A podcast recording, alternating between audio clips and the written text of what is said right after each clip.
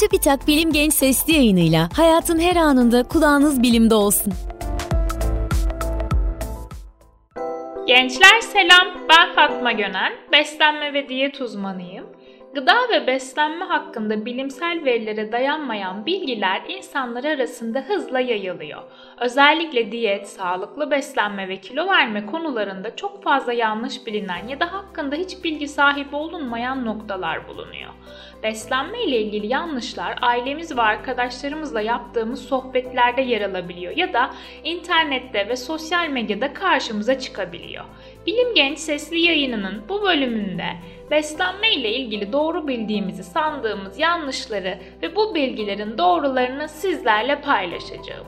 İlkiyle başlayalım.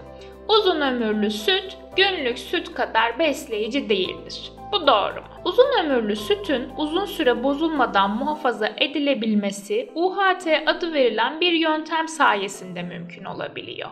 Adını çok yüksek sıcaklık anlamına gelen ultra high temperature kelimelerinin ilk harflerinden alan bu yöntemde süt birkaç saniyeliğine yaklaşık 140 derece santigrada kadar ısıtılıyor. Bu işlemde hastalık yapıcı bakterilerin yanı sıra ısıya dayanıklı bakteri sporları ve sütün bozulmasından sorumlu tüm mikroorganizmalar yok ediliyor. Sonuç olarak UHT sütler 3-6 ay boyunca oda sıcaklığında saklanabiliyor. Peki bu işlem sütün besin değerini nasıl etkiliyor? Sütün içindeki proteinlerin biyolojik değeri anlamlı bir kayba uğramıyor. Bu işlemin yağlar üzerine de bir etkisi yok. Ancak sütün içindeki B1 ve B12 vitaminlerinde %30'a kadar kayıp söz konusu. B2 ve niyasin ise ısıya dayanıklı olduklarından muhafaza ediliyor. C vitamininde %50'ye ulaşan oranda kayıp olabiliyor. Ancak süt C vitamini açısından zengin bir kaynak değil. Beslenmenin en önemli kaynaklarından biri olan sütteki kalsiyum açısından ise herhangi bir değişiklik olmuyor. Sonuç olarak uzun ömürlü süt günlük süte kıyasla besin değerinin çok azını kaybediyor. Ancak uzun ömürlü sütlerin soğuk zincir zorunluluğu olmadan taşınabilmesi ve muhafaza edilebilmesi önemli bir avantaj. Bir diğer yaygın inanış kafeinsiz kahve zararlı mıdır? Doğru mudur bakalım? Bu inanışın temeli kafeinsiz kahvenin kafeinin ayrıştırılmasında kullanılan kimyasal çözücüleri önemli miktarda içerdiği fikrine dayanıyor. Oysa bu doğru değil. Kahvenin kafeinden arındırılması için 3 ayrı yöntem kullanılır. İlk yöntemde kahve çekirdek haldeyken suda çözünür. Bu sayede kahvenin içindeki başka bileşenler alınmadan sadece kafein suda çözünerek ayrılır. Kafeini alınmış çekirdekler daha sonra sıcak havayla kurutulur. İkinci yöntemde yüksek basınç altında sıkıştırılmış karbondioksit kullanılır ve kafein bir ayrıştırıcı içinde bulunan önceden buharla ve suyla nemlendirilmiş çekirdeklerden ayrıştırılır. Son yöntemde ise kafein önceden buharla işlenmiş kahve çekirdeklerinden iki çözücü madde kullanılarak ayrıştırılır. Buhar çözücü olarak kullanılan maddelerin kahve çekirdeklerinden tamamen uzaklaştırılmasını sağlar. Son olarak da kahve çekirdekleri kurutulur. Dolayısıyla kafeinsiz kahvenin zararlı olduğuna dair inanış doğru değil. Kahvenin içinde bulunan kafein, hipertansiyon, kalp ritminde düzensizlik, uyku bozuklukları, ülser gibi rahatsızlıklara neden olabiliyor. Bu nedenle kafeinsiz kahveler günlük tüketmesi gereken kafein miktarı sınırlı olan bireylerin kahve içebilmesine ve kahvenin içindeki antioksidanlar başta olmak üzere olumlu etkilere sahip diğer molekülleri almalarına imkan sağlıyor. Bir diğer yaygın inanışımız esmer şeker ve bal beyaz şekere göre daha az kilo aldırır. Bu doğru mudur? Burada bir ayrım yapmamız gerekiyor eşit miktarlarda alındığında bu ifade bal açısından doğru. Çünkü balın yapısında farklı tür şekerler bulunur ve balın yaklaşık 5'te biri sudur. Dolayısıyla kalorisi beyaz şekere göre daha düşüktür.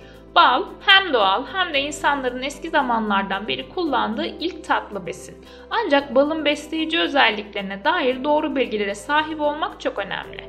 Örneğin bal kalsiyum içerir fakat bir bardak sütteki kadar kalsiyum alabilmek için yaklaşık 300 kaşık bal tüketmek gerekir. Esmer şekerin beyaz şekere göre daha az kilo aldırdığı iddiası ise tamamıyla asılsızdır. Beyaz şeker, şeker pancarı ya da şeker kamışından elde edilir.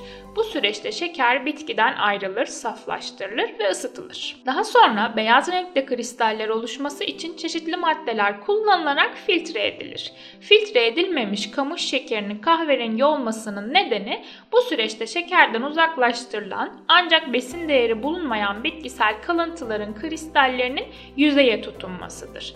Temelde beyaz şeker ve esmer şeker sakkarozdan oluşur.